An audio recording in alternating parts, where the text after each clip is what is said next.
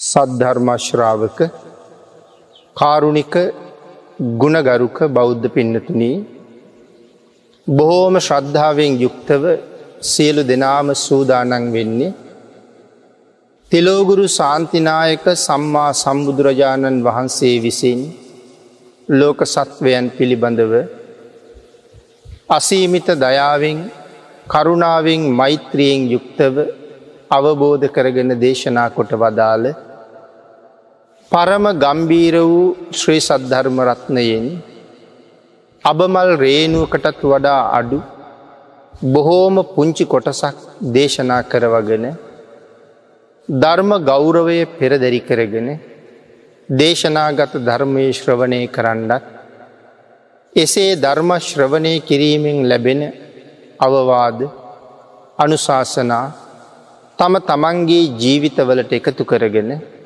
වඩාත් නිවැරදි මෙලව ජීවිතයක් සකස් කර ගණ්ඩත් නිවැරදි වුණ මෙලව ජීවිතයක් තුළින් සුගතිගාමී වූ පරලොව ආයිති භවයකින් සැනසෙන්ඩත් අවසානය ප්‍රාර්ථනා කරන බෝධියෙන් සැප සහිත ප්‍රතිපදාවෙන් ඉතාම ඉක්මං භවයක කෙටිම කාලයකින් පහසුම ආකාරයෙන් උතුම් චතුරාරි සත්‍ය ධර්මය අවබෝධ කරගෙන මේ සසරින් එතරවීමේ පරමාර්ථය ඇතුවයි.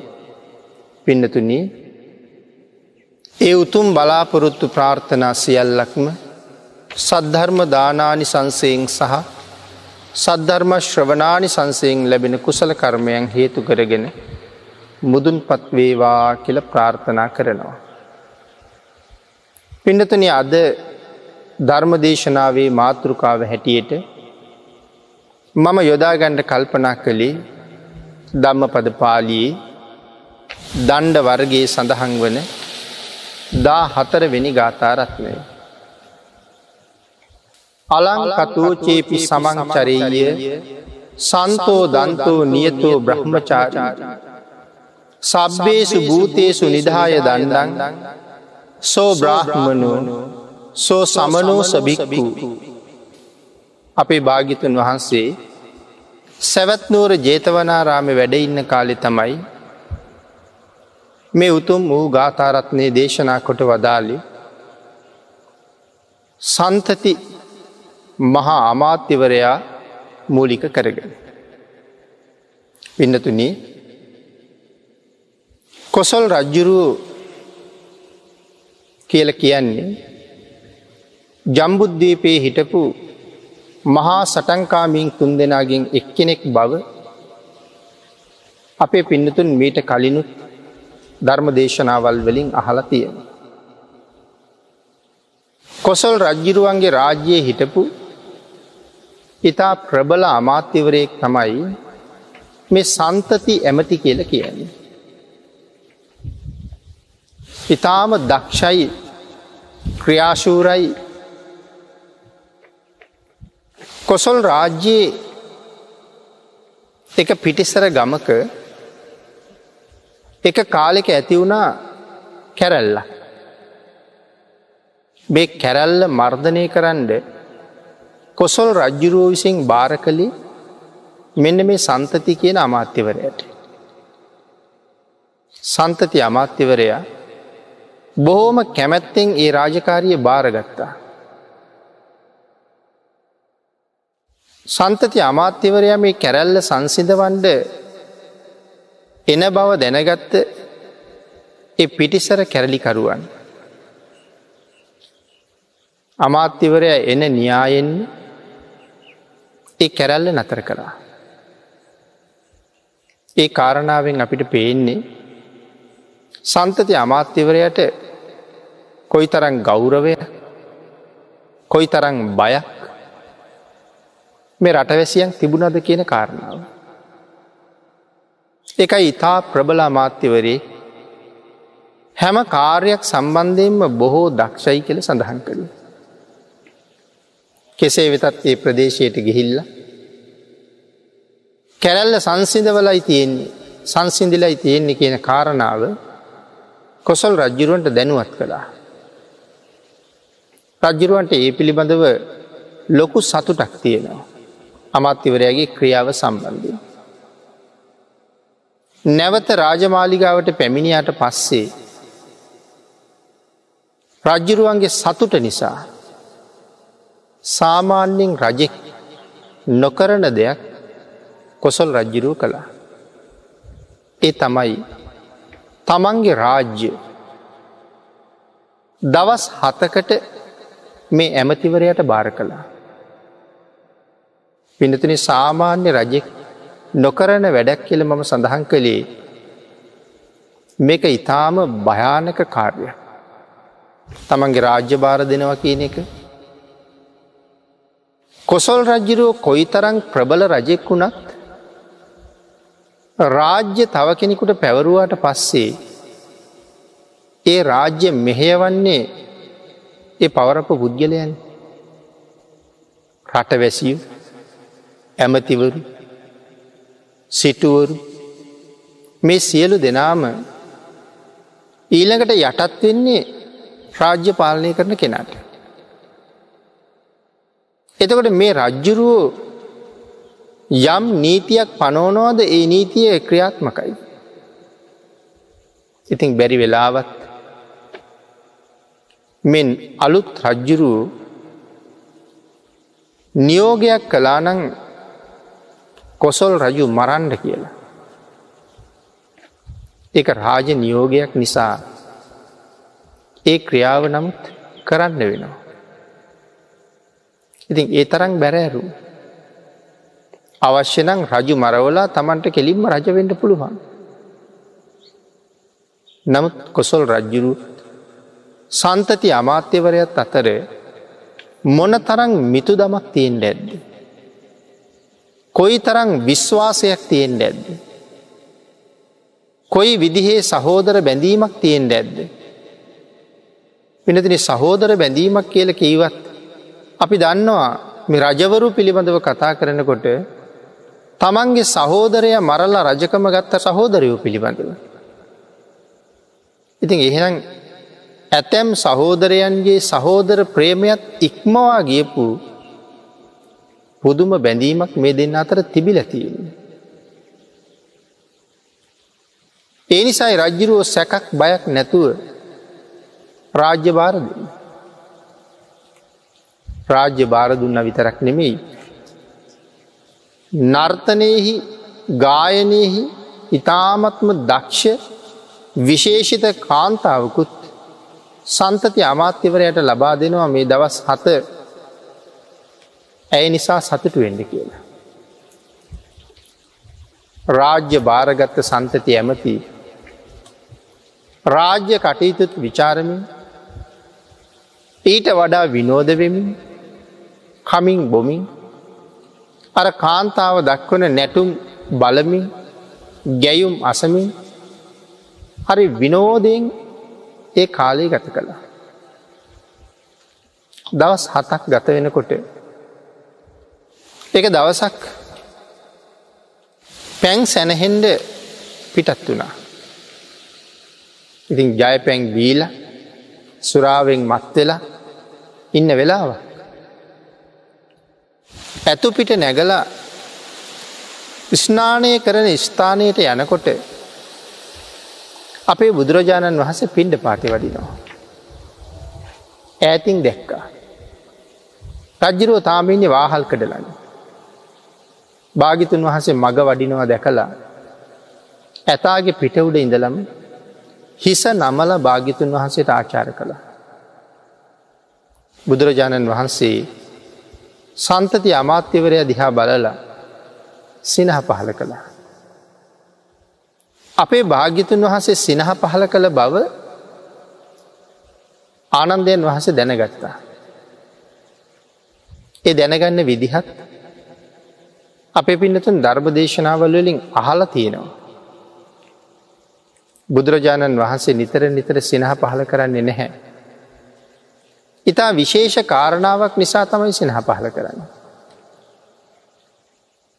ඒ සිනහ පහල කරනකොට දන්ත ධාතුන් වහන්සේලකින් නික්මෙන සුදෝසුදු බුදුරැස්. බුදුරජාණන් වහන්සේගේ ශීර්ෂ ධාතුව තුන් වතාවක් ප්‍රදක්ෂිනා කරනව කියල සඳහන් කරනවා.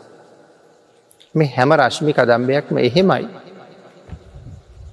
ෂඩ්වර්ණ රශ්මිය බුද්ධ ශරීරයෙන් නික්මෙනකොට විශේෂයෙන් සඳහන් කරලා තියෙනවා මේ හැම රශ්මි කදම්බයක්ම භාගිතුන් වහන්සේ ප්‍රදක්ෂිනා කරලා තමයි ඈතින් ඈතට නික්මිලා යන්න කියලා. ඉතින් මේ සුදු බුදුරැස් ශීර්ෂ ධාතුව ප්‍රදක්ෂිනා කරනකොට තමයි පිටු පසින් වඩින සංඝයා දැනගන්නේ වාගිතුන් වහසේ සිනහ පහල කලා කියලා. ඉතින් ආනන්දයන් වහන්සේ අහනවා ස්වාමීණි භාගිතුන් වහන්ස සිනහ පහල කළේ මොන හේතුවක් නිසාද. බුදුරජාණන් වහන්සේ සඳහන් කළ ආනන්ද අර අමාත්‍යවරය දැක්කද ඇතාගේ පිට උඩ ඉන්න රජු එහෙමයි ස්වාමීණි. ඔය ඉන්න රජු නෙමෙයි ඔය ඉන සන්තති ඇමති. ඔය සන්තති අමාත්‍යවරයා අද හවස මම මුණගැහෙන් එනවා. මුණගැහෙන් ඇවිල්ල ධර්මශ්‍රවනය කරලා රහත් වෙලා පිරිනිවම් පානවා කියලා. මේ කතාව ඒ අවට හිටපු සියලු දෙනාටම ඇහුණා. එතන සම්මාධිට්ටිකයොත් හිටිය මිත්‍යා දෘෂ්ටිකයොත් හිටිය. මිත්‍යා දෘෂ්ටිකව ඒක ආවිධයක් කරගත්තා. මිත්‍ය අදෘෂ්ටිකව කියනවා බලන්ඩකො මේ ශ්‍රමණ බවත් ගෞතමය කියන කතාව. උදේන්දල රෑවෙනකම්ම ප්‍රාරක්කු බීලා මත්වෙලා ඉන්න සන්තති ඇමති අද හවස භාගිතුන් වහස ළඟට එනවල් නැත ශ්‍රමණ බවත් ගෞතමයන් ළඟට එනවලු. එනවා විතරක් නෙමෙයි. ඇවිල්ල බනහල රහත් වෙනවා කියල කියන්නේ. ඔය ශ්‍රමණ බවත් ගෞතමයා ඔයවාගේ කතා කියන්න හරිස් දක්ෂයි. කටට එන එක කියනවා. අද තමයි ශ්‍රමණ බවත් ගෞතමයන්ගේ වචනය බොරු කරන්න තියෙන හොඳම දවස අපි හැන්දෑ වෙනකං බලමු හෙනම් කියලා. සම්මාධිට්ටික මිනිස්සු කියනවා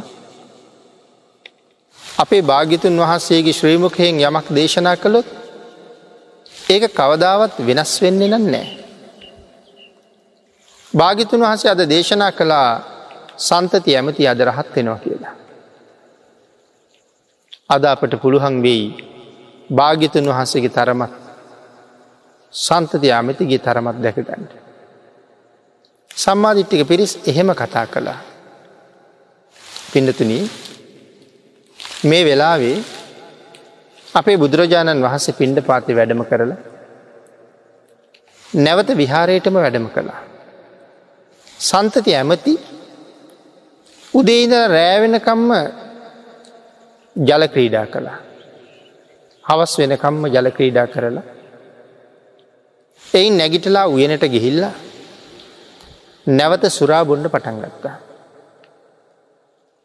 සුරාබීල ශාලාවීන්න වෙලාවී උයනේ විවේකස්ථාන ඉන්න වෙලාවී අර කාන්තාව නැවතත් තමන්ගේ කාර්ය නර්තනය සහ ගායනය රජු සතුට කිරීම සඳහා දක් පණ්ඩ පටන් ගත්තා.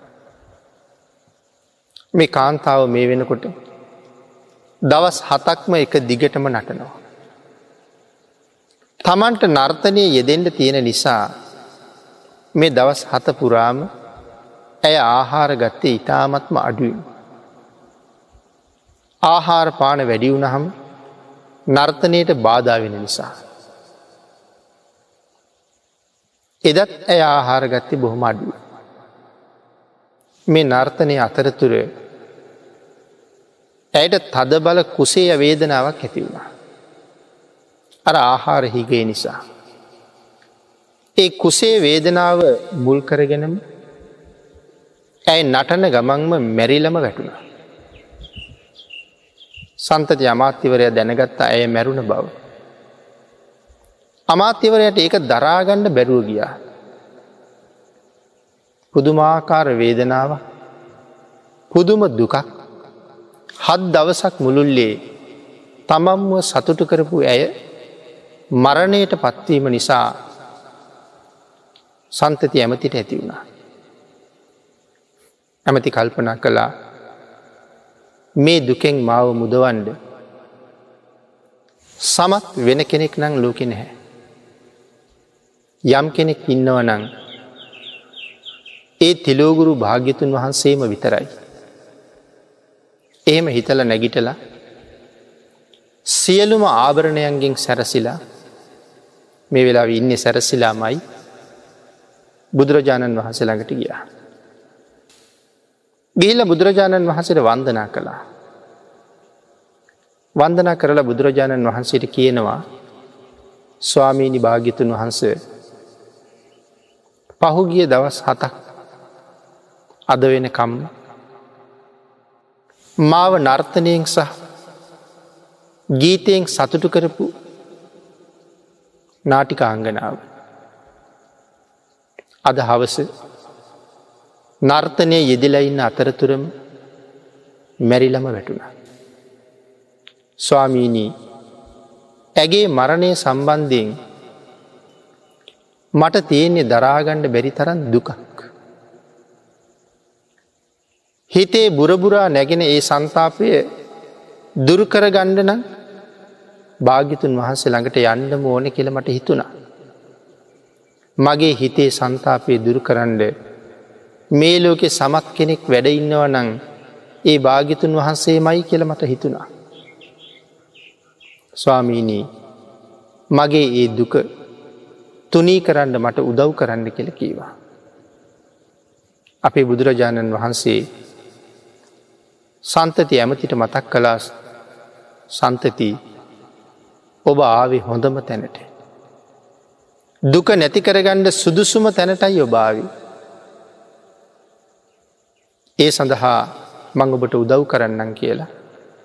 සන්තති ඇමතිට සඳහන් කළා අමාත්‍යවරේ. අති දීර්ගතර වූ මේ සංසාරි ඔය කාන්තාව ඔබ ළඟ මරණයට පත්තෙච්චවාර සීමාවක් නෑ. ඔය කාන්තාව මරණයට පත්වීම නිසා ඇය වෙනුවෙන් ඔබ හඬපු වැලපුුණු වාර සීමාවක් නෑ. ඒ හඬන වැලපෙන අවස්ථාවන් වල ඔබේ ඇස්වලින් ගලාගෙන ගියපු කඳුළු සතර මහා සාගරයේ ජලයට වඩා වැඩි අමාත්‍යවරය මේ සසරයේ තරං දිගයි. මේක ඒ සසරේ තවත් එක අවස්ථාවක් විතරයි. මේ ආදි වශයෙන් අනමතග්ග සංයුක්තයේ සඳහන් ආකාරයට මේ අමාත්‍යවරයට සසර පිළිබඳව දක්වලා භාගිතුන් වහස ධර්ම දේශනාව කරහම සන්තති අමාත්‍යවරයා සියලු ආවරණ දරාගෙනම සව් කෙලෙස් නසලා අර්හත්වයම ලබාගත්තා. පින්නතුනී රහත් වනාට පස්සේ මේ අමාත්‍යවරයා තමන්ට තව කොච්චර ජීවත්තෙන්ට ආවශ්‍ය තියෙන අද කියල බැලවා දැන් රහතන් වහන්සේන තමන් රහත් වෙනකොට තමන්ගේ ආයුෂත් ඉවර වෙලයි තියෙන. ඒ නිසා බුදුරජාණන් වහන්සේට වැඳල බුදුරජාණන් වහන්සේට කියනවා ස්වාමීණී මගෙත් ආයු සංස්කාරීවරයි. මටත් පිරිනිවම් පාණ්ඩ අවසරයි කියලා. ඒ වෙලා අපේ බුදුරජාණන් වහන්සේ සඳහන් කළා හොඳයි නමුත් නිකම්ම පිරිනිවම් පාණ්ඩිපා. මිත්‍යා දෘෂ්ටිකයෝ බලාගෙන ඉන්නේ අද මෙතන මොකද වෙන්න කියලා. ආන්ගේ මිත්‍යා දෘෂ්ටියකයන්ගේ මිත්‍යා මතය දුරු කරන්න ඕනේ. එක දුරකිරීම සඳහා ප්‍රාතිහාර දක්වන්ඩ. ප්‍රාතිහාරය දක්වලා පිරිනිවම් පාණ්ඩ කියලා.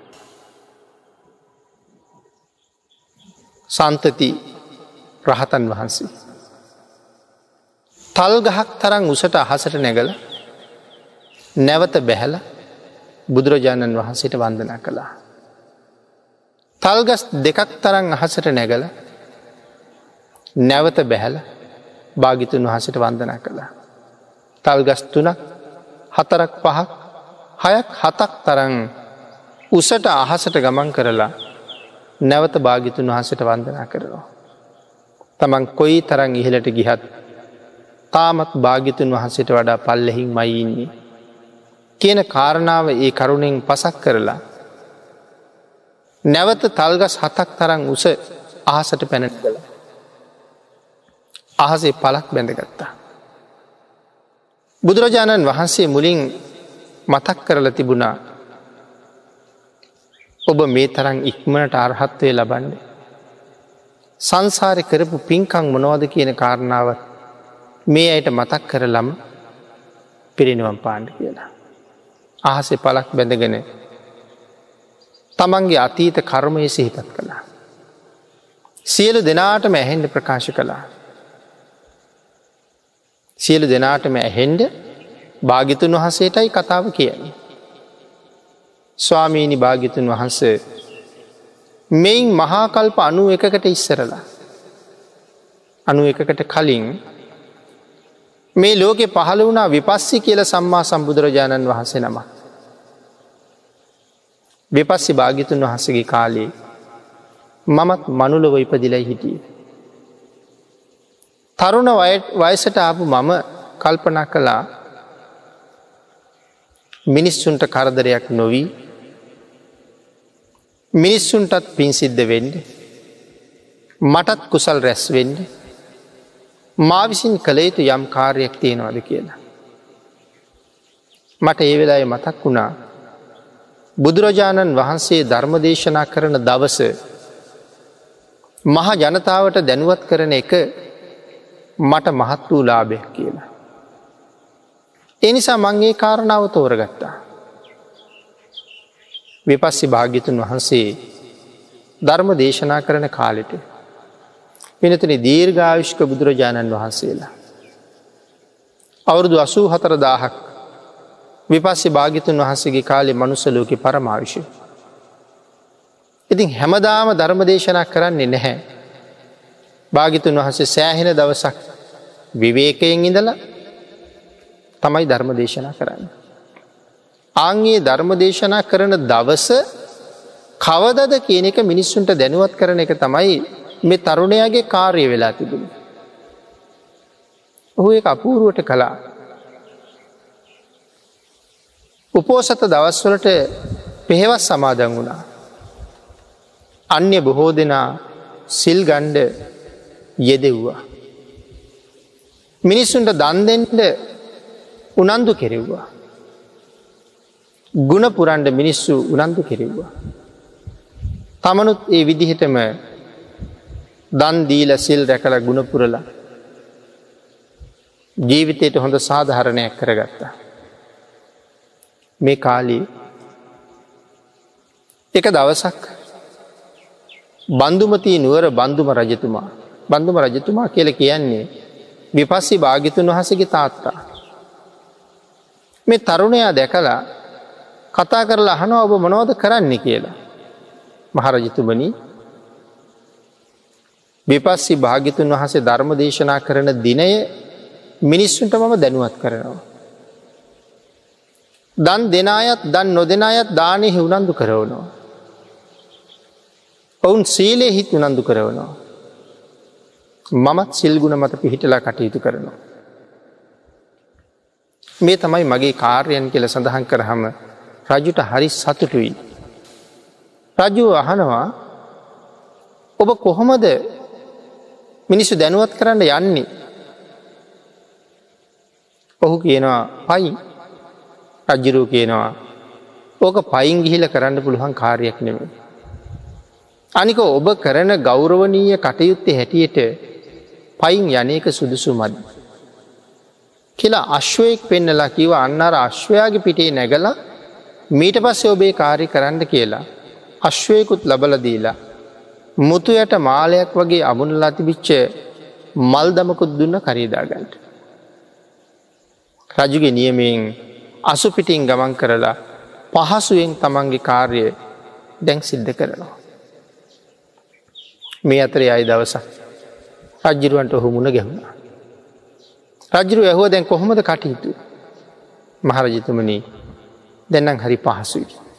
අශ්වයාගේ පිටේ ගිහිල්ලා බොම ලේසියෙන් පහසුවෙන් මිනිස්සු දැනුවත් කරනවා. රජරු ඊට පස්සේ සුදු පාට අශ්‍යයෝ හතර දෙනෙක් යොදාපු රථයක් ඔහුට දුන්නා මීට පස්සේ මේ රතෙන් ගිහිල් ඔබේ රාජකාරී කරන්න. ඒවගේම බොහෝ තෑගි බෝගත් දුන්නා. සල්ලි මිලමුදල් දීල තෑගි බෝග දීල සතුටු කරවලා අශ්ව රථයක් දීලයි තියෙන. දැන්ගේ රථයෙන් ගිහිල්ල මේ කාරි කරනවා. ඊට පස්සේ ආයත් දවසක් රජුට ඔහුමුණ ගෙවුණා. රජය හෝ දැන් කොහොමද කටයුතු. මහරජතුමනී පෙරටත් වඩා පහසුවෙන් කරනවා. එදා රජ්ජිරූ බොහොම විශේෂ ඇත්්‍යානාවක් ඔහුට ලබා දුන්නා මීට පස්සේ මේ ඇතාගේ පිටින් ගිහිල්ලා ඔබේ කාරය කරන්න කියලා. ඉටවස ඇතාගේ පිටේ ගිහිල්ල මේ කාරය කළා. ආයු කෙරවල මැරිලා දෙව්ලොව ඉපදිලා අති දීර්ඝ කාලයක් දෙව් මිනිස් දෙගතිය සැපවින්න. අපේ බුදුරජාණන් වහන්සගේ කාලි නැවත මනුස්සලෝක ඉපදුනා. ඒ තමයි සන්තති ඇමති. තමන්ගේ නාටිකාංගනාව මැරුණට පස්සේ ඇති වුණ දුක දරාගණ්ඩ භාගිතුන් වහසළඟට ගියේ නිකම්ම නෙමේ. සංසාරි කරපු කුසල කර්මයේ ප්‍රතිඵලයත් ලැබෙන්ඩ ආසන්නයි. කුසල කර්මයේ මෝරලයි තියෙන. පින්නතුනි ඔබ තේරුම් ගණ්ඩ ඕනෑ බුදුරජාණන් වහන්සේ අහවල් දවසේ ධර්ම දේශනා කරනවා. එන්ඩ යන්ඩ බනාහන්ඩ. හැමෝම ලෑස්තිවෙන්ඩ බනාහන්ඩ යන්ඩ. මේ ආදී වශයෙන් මිනිස්සු දැනුවත් කිරීම නිසා මොන තරං කුසල් සම්භාරයක් රැස් කරලද හතර පද ගාථාවක් අහල අවසන් වෙනකොට සව් කෙලෙස් නසල රහත් වෙන. ධර්මදානය ඒ තරම්ම උතුම් බවයි කිය. අපේ භාගිතුන් වහන්සේ සන්තති මහරහතන් වහන්සේට කරුණු පැහැදිලි කරන්න කිවට පස්සේ තමන්ගේ කාරණා සියල්ල මනාව පැහැදිලි කරලා සන්තති මහරහතන් වහන්සේ තේජෝ කසිනයට සමවදිලා පිරිනිවන් පාවදාන්න. රහතන් වහන්සේගේ ඇටමස් නහර සියල්ලම අහසෙදිම ගිනිබත් වෙලා. සමන් කැකුළු වගේ ධාතුන් වහසල ඉතුරුණා. අපේ භාගිතුන් වහන්සේ සුදු රෙද්දක් බිමට එලවල ඒ ධාතුන් වහන්සේලා ඒ රෙද්දට පතිත වුණාට පස්සේ මහජනතාව ධාතුන් වහසලට වන්දනාමාන කළා. එයින් පස්සේ ඒ ධාතුන් වහසල භාගිතුන් වහසේ අරගෙන සඳහන් කලා සිව්මං සන්දියක චෛත්‍යයක් හදලා මේ ධාතුන් වහසල තැන්පත් කරලා වන්දනා මාන කරන්න. එයින් මහා කුසල් රැස්සෙනවා කියලා. මෙයින් දිනකීපයකට පස්සේ උපස්ථාන ශාලාවට එකතුවන භික්‍ෂූන් වහන්සේලා. සාකච්ඡාවක් කළා සියලු ආභරණ දරාගෙන සව් කෙලෙස් නසලා රහත්තුන් සන්තති අමාත්‍යවරයා බ්‍රාහ්මණයෙක්ද භික්ෂුවක්ද කියලා. ත ශ්‍රමණයෙක්ද කියලා. අපේ භාගිතන් වහන්සේ දම් සභාවට වැඩම කරලා ඒ කාරණාව ඇහුව හම තමන් සාකච්ඡා කරමින් හිටපු දේ භික්‍ෂූන් වහන්සේලා භාගිතන් වහන්සට මතක් කළා. අන්න ඒ කාරණාවෙන් තමයි අපේ භාගිතුන් වහන්සේ අපි මාතෘකා කරගත්ත ගාථාරත්නය දේශනා කොට වදාල්. අලංකතෝචයපි සමංචරය සන්තෝ දන්තෝ නියතෝ බ්‍රහ්මචාරී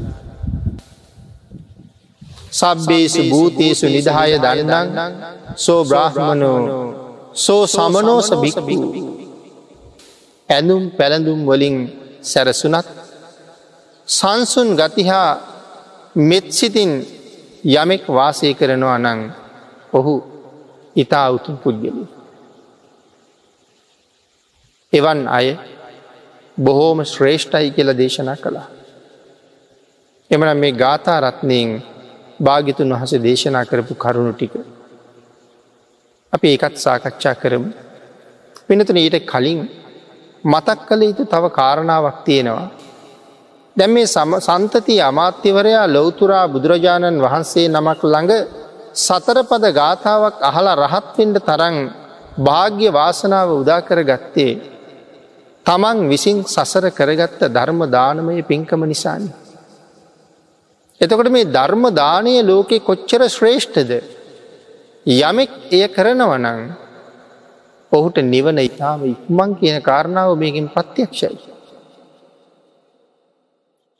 ධර්ම දානය ගැන සඳහන් කරනකොට මේ ලෝකෙ තියෙන සියලුම දානයන් අභි භවනය කළ දානය කළ හැඳින්වේ. ධර්ම දානයට සම කළ හැකි කිසිම දානයක් නෑ. ධර්ම දානය කියල කියහම ධර්මදාන හයක් අපේ පිටකේ සඳහන් කරලා තියෙනවා. විශේෂයෙන් මේ ධර්ම දානමය පින්කං හයෙන් පහක්ම කරන්න පුළුවන් විශේෂිත වූ ධර්ම දරයකුට විතරයි පින්නතුනි. මොනවදේ ධර්ම දරයකුට කරන්න පුළුවන් ධර්මදාන පහ. පළවෙනි එක තමයි ධර්මය දේශනා කරන්න පුළුවන්. නිමක් නැති ආනිසංසනය ලැබෙන් ධර්මය දේශනා කරන්න පුළුවන්. දෙවනි කාරණාව තමයි ත්‍රිපිටක පාලිය උගන්නන්ඩ පුළුවන්. ත්‍රිපිටකය ඉගෙන ගණ්ඩ කැමති අයට බොම සතුටු සිතින් යුක්තව උගන්නනවනං යම් කෙනෙක් ඒක අයිති වෙන්නෙත් ධර්ම දාන ගනයටම තමයි. ඊළඟට සඳහන් කළා අට්ට කතාව උගන්නනවනං පිළිවලින් ඒක අයිති වෙන්නෙත් ධර්ම දාන ගනයටම තමයි. පාලිං වාචීති පාලිය උගන්නන්ට පුළුවන්නම්. අට්ට කතාව පැහැදිලි කරවන්න පුළුවන්නම් එයත් ධර්ම දානීම තමයි. ඒ තුන්වෙනි දානය හතරවෙනි දානය හතරවෙනි දානය තමයි තමන් ළඟට ඇවිල්ලා යම් කෙනෙක් ප්‍රශ්නයක් ඇහුවොත් ධර්මකාරණාවක් සම්බන්ධයෙන් අහන ප්‍රශ්නයක් තියෙනවන ආන්ගේ ප්‍රශ්නවලට ධර්මයෙන්ම උත්තර ලබල දෙනවා. ධර්මයෙන්ම යුත්තර දෙන්නේ. සූත්‍රවලින් විනයින් අභිධර්මය උත්තර ලබා දෙනවා. පස්වනි කාරණාව තමයි කර්මස්ථානය කියල දෙන. භාවනා කරන්න කැමති යෝගාවචරයන්ට තමන්ගේ හිත සමාධියයට පත්කර ගැනීම සඳහා දමනය කර ගැනීම සඳහා හේතුවෙන උතුම් භාවනා ක්‍රම. ඒ ඒ පුද්ගලයට ගැලපෙන විදිහට මේ භාවනා කර්මස්ථාන ලබල දෙන්න. ඒකත් ධර්මදානය. මේ තමයි ධර්ම දරයකුට කරන්න පුළුවන් ධර්මදාන පහ. අනිත් ධර්මදානය තමයි ධර්මය දානය කරවනවා කියන කාරණාව. මේක ඕනම කෙනෙකුට කරන්න පුළුවන් දෙයක්. අපේ ගිහි පින්නතුන්ට කරන්න පුළුවන් විශේෂම ධර්මදානය තමයි ධර්මය දානය කරවන එක. මේ සිද්ධ කරන්නෙත් ඔබ විසින් ධර්මය දානය කරවීමයි. ඔබ නිසා අපටත් ධර්මය දානය කරලා කුසල් ලබාගණ්ඩ අවස්ථාව ලැබිලතියෙන. එනම් මේ අවසාන ධර්මදානය දායක පිරිස විසින් භික්‍ෂූන් වහන්සේට ආරාධනා කරලා ධර්ම ගෞරවේ පෙරදැරි කරගෙන භික්‍ෂූන් වහන්සේ වැඩමවාගෙන කළ යුතු උපස්ථාන සම්පූර්ණ කරලා සුදුසු අසුන් පනවලා ස්වාමීණි අපට අනුකම්පා කරන සේක්වා ලෝක සත්වයාට අනුකම්පා කරන සේක්වා භයානක සසරින් විදෙන්ඩ අපට ධර්මයක් දේශනා කරන සේක්වා. ඒ ආරාධනාවක් කරලා ධර්ම දේශනා සංවිධානය කරන එකත් ධර්ම දානමය පින්කමක්ම තමයි. ඒ ධර්ම දේශනාව අනුන්ට දැනුවත් කිරීම විද්‍යුත් මාධ්‍යයෙන් දැනුවත් කරනවා මුද්‍රිත මාධ්‍යයෙන් දැනුවත් කරනවා වචනයෙන් දැනුවත් කරනවා. මෙ නොෙක් ආකාරයෙන් දැනුවත් කරනවා වර්තමානි නං ඔය බැනර් පෝස්ටර්වාගේ දේවල් හදල තැන්තැන්වල ප්‍රදර්ශනය කරලා බණ අහන්ඩ එන්ඩ කියලා දැනුවත් කිරීම කරනවා. ඒ සියල්ලක්ම පිඩතුනි අයිති වෙන්නේ ධර්මදානයට. බණ අහන්ඩ එන පිරිසට ආහාරපාන සපේලා දෙනවා. බණහන්ඩ වාඩිවෙන්ඩ පහසුකං සපේලා දෙනවා. ගමන් කරන්න වාහන ලබා දෙනවා. මේ අදී නොයෙක් දේවල් කිරීම තුළ ඒ හැම කාරණාවක්ම ධර්ම දානමය කුසල කර්මයටම තමයි සම්බන්ධ. එතවට මේ සාමාන්‍ය කෙනෙකුට කරගන්න පුළුවන් ධර්මදානමය පින්කම. මේ අදි වශයෙන් ආකාර හයකින් ධර්මදානය පිළිබඳව පැහැදිලි කරලා තියෙනවා. එදත් අදත් ධර්මදානය පින්නතින අතිශයින්ම මහත් පලයි ශ්‍රේෂ්ඨයි උත්තරීතර. මේ තරං ආනිසංස ලබන්ඩ පුළුහන්ද ධර්මදානීන් කියන කාරණාව මනාව ප්‍රත්‍යක්ෂ වෙන තැනක් මෙතන. පිඩතුන මේ ගාථරත්නය භාගිතුන් වහස මුලින්ම දේශනා කොට වදාලි අලංකතෝ චේපි සමංචරීය. අලංකතු මේ අලංකාර වෙලා ඉන්නවා. සැරසිලා ඉන්නවා කියන කාරණාවයි මෙතන අලංකතුව කියල සඳහන් කළු. සමංචරීය. සමව හැසිරෙනවා. සමව හැසිරෙනවා මෙතන කියල සඳහන් කරන්නේ. කයෙන් කරන වැරදි කරන්නේ නැහැ. වචනයෙන් කරන වැරදි කරන්නේ නැහැ. හිතින් කරන වැරදි කරන්නේ නැහැ. සිතයි කයයි වචනයයි කියන තුනම මනාව පාලනය කරලයි කිය. දමනය කරගෙනයි කිය. අකුසල සිතට කවදාවත් යට වෙන්නේ. කුසල සිතම ඉස්මතු කරලා තියෙනවා. කුසලේම යෙදිල ඉන්නවා. කුසල්ම සම්පාධනය කරනවා. සිත කය වචනය කියන තුන්දොරින් සිදු කරන අකුසල ධර්මය අපි මේ දේවල්වලට කියනවා දසාකුසල් කියලා. යම් කෙනෙකුට තමන්ගේ ජීවිතයේ දසාකුසලයෙන් වලකින්න පුළුවන්කම තියෙනවන. දස කුසල කර්ම පතවල යෙදෙන්ට පුළුවන්කමක් තියෙනවන. ආංගේ පුද්ගලය මේ ලෝකයේ තමන්ට මහත් ඇල්මක් දක්වපු තමන්ට බොහොම හිතවත් පුද්ගලය. ඒනිසයි මෙතන තිදුර සංවර කරගන්න කියලා දේශනා කොට වදාද. සන්තු සංසුන් අලංකතෝචයපි සමංචරීය සන්තු දන්තු නියතු බ්‍රහ්මචාරී. මෙතන පිඩතුන සන්තූ කියල කැන්නේ සංසුන්කම. ඉන්ද්‍රියන්ගේ සංසුන්කමමයි සන්තෝ කියල කියන්නේ. දන්තෝ කියන්නේ මනාව දැමුණු බව හික්ම වුණු බව නිරන්තරයෙන් මේ ඉන්ද්‍රියන් අකුසලයට ගමන් කරන්න අකුසල පක්ෂයට බොහෝම කැමති. ලොකු ආයාසයක් ලොකු වෑයමක් ගණ්ඩෝනෑ ඉන්ද්‍රියන් අකුසලේ කරා ගමන් කරනකොට ඒ අකුසලයන්ගෙන් ඉන්ද්‍රියන් මුදවගන්න අකුසලයෙන් ඉන්ද්‍රියන් බේරගන්න. අකුසලයෙන් ඉන්ද්‍රියන් පමණක් නෙමෙයි තමන්ගේ මුළු සසර ගමනම බේරගණ්ඩයි කටයුතු කරන්න කිය. ඉඳ සන්තෝ දන්තු කියල සඳහන් කරනවා සංසුන් වෙන්ඩෝන දමනය වෙන්ඩෝන.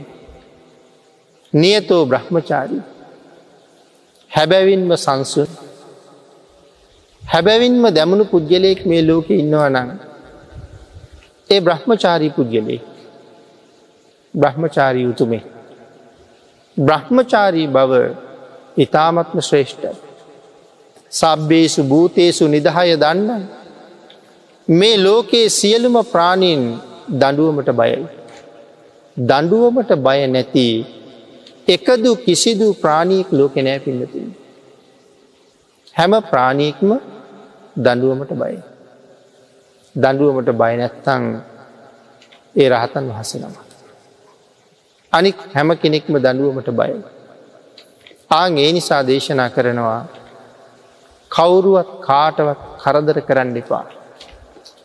කවුරුවත් කාටවත් හිරිහැර කරන්න එපා.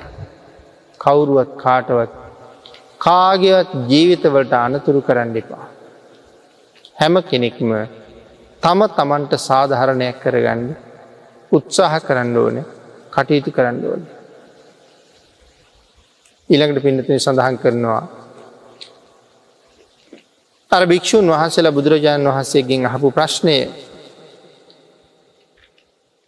සියලු ආභරණ දරාගෙන අරහත්වය ලබා ගත්ත සන්තති අමාත්‍යවරයා.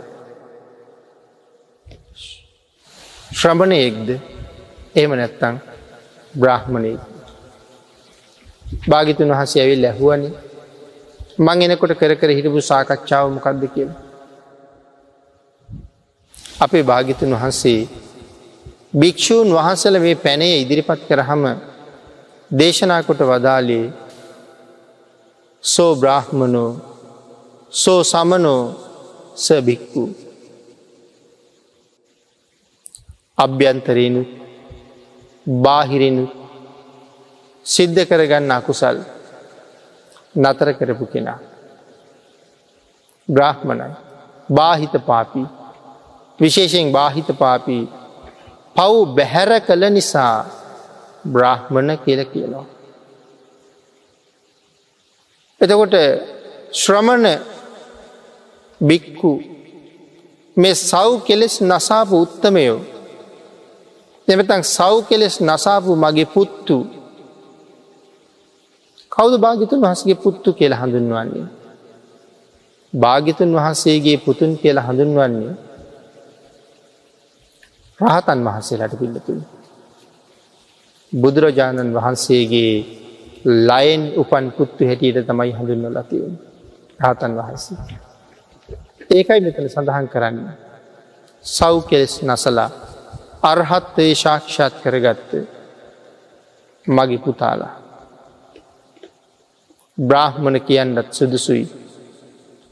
ශ්‍රමණ කියන්නත් සුදුසුයි. භික්‍ෂූ කියන්නත් සුදුසුයි. බ්‍රාහ්මණ කීවත් ශ්‍රමණ කිව්වත් භික්‍ෂු කියල කීවත් වරදක් නෑ කියල දේශනාකොට වදාළ. එමන පිඩතුනී ගාථා රත්නය අර්ථය කාල වේලාවට අනු අපි බොහොම කෙටියෙන් තමයි සාකච්ඡා කළි. අපේ භාගිතුන් වහස දේශනා කොට වදාලෙම මෙ සැරසිලා හිටියත් සංසුන්නන් සැරසිච්ච හුඟක් අය සංසුන්නෑනේ නමුත් සැරසිලා හිටියත් සල්ලි මිලමුදල් තිබුණත් දන ධාන්‍ය වතු පිට ඉඩ කඩන් තිබුණත් ඒ කොව්ව තමන් සතුව තිබුණත්. ඔහු දැමුණු යහපත් සංසුන් පුද්ගලයෙක් නං ඒ පුද්ගලයා මේ ලෝකෙ හරි වටිනවා. ඒ හැසිරීම මේ ලෝකෙ වටිනවා. ඒ හැසිරීම හරි උතුම් උත්තරී තරයි ශ්‍රේෂ්ඨයි. ඉන්ද්‍රියන්ගේ දමනයක් තියෙන බව ඉන්ද්‍රියන්ට කැමති දිහාාවකට ගමන් කරන්න නොදෙන බව ඉන්ද්‍රියන්ට තමන්ව පාලනය කරන්න නොදී තමන් විසින් ඉන්ද්‍රියන් පාලනය කරගන්නවනං අන්න ඒ කාරණාව මෙලව උපන් සත්වයාට ඉතාම විශේෂයි. යමෙක් උත්සහ කරනවනං අරමුණෙහි පාලනය වෙන්ඩ. අපේ හිත රාගයටත් දුවනෝ දවේශයටත් දුවනෝ මෝහයටත් දුවනවා. රාග දේශ මෝහ කියන මහා බරපතල අකුසල කර්මයන් හැම වෙලාවෙන් පුද්ගල චිත්ත සන්තානය තුළ උපදිනවා. හැබැයි ඒ හැම අකුසලයක්ම අපිට යහපතක් නම් කරන්න. කැමැත්තෙන් අකුසල් කලාට විපාකය විඳින්න වෙන්න ඉතාම දුකසී. මොකදේ විපාකය යහපත් වෙන්නේ නෑ පින්නතින්. සමහර කර්මවලින් අපට සතුටක් ලැබෙනවා. නමුත් ඒ සතුට බුක්ති විඳින්නේ ලෝභයයි දවේශයයි මෝහයයි එක්ක නං මේ ලෝභ දේශ මෝහ කියන කාරණා තුනම අකුසල් බව අපි දැන් හොඳටම දන්නවා. අකුසලය මතින් සතුටක් හොයන. සතුටක් මෙලවදි විඳිනවා හැබැයි ඒ සතුට වෙනුවෙන් ලෝභයයි දේශයයි මෝහැයි උපද්දවල තියෙනවා. අන්න ඒකට නියත පලය ඒ කාන්තයෙන් දවසක අපට හම්බ වෙනවා. අන්න ඒ නිසා මේ ලෞකික කාම සම්පත් වින්දනය කර කර සතුටක් හොයෙනවට වඩා මේ සසරින් එතර වෙන්න යම් කෙනෙක් උත්සාහ කරනවල. ආං ඒක ඉතාම විශේෂයි කියලයි පින්නතුනේ මෙතන සඳහන් කරන්න. එමන එසේ කටයුතු කරන්න බුද්ධාන්තරයක ලැබිච්ච මනුස්ස ජීවිතයට ශ්‍රේෂ්ඨ සාධහරණයක් කරල සසරින් විදෙන්න්න ඔබ ඔබට හිතවත් කෙනෙක්ද කියන කාරණාවට උත්තරයක් හොයාගෙන කටයුතු කරන්න ඔබට තුනුරුවන්ගේ අනන්තාශිරුවාදීන් ශක්තිය දහිරිය භාග්‍ය වාසනාව උදාවේවා කියලා ආශිර්වාද කරන.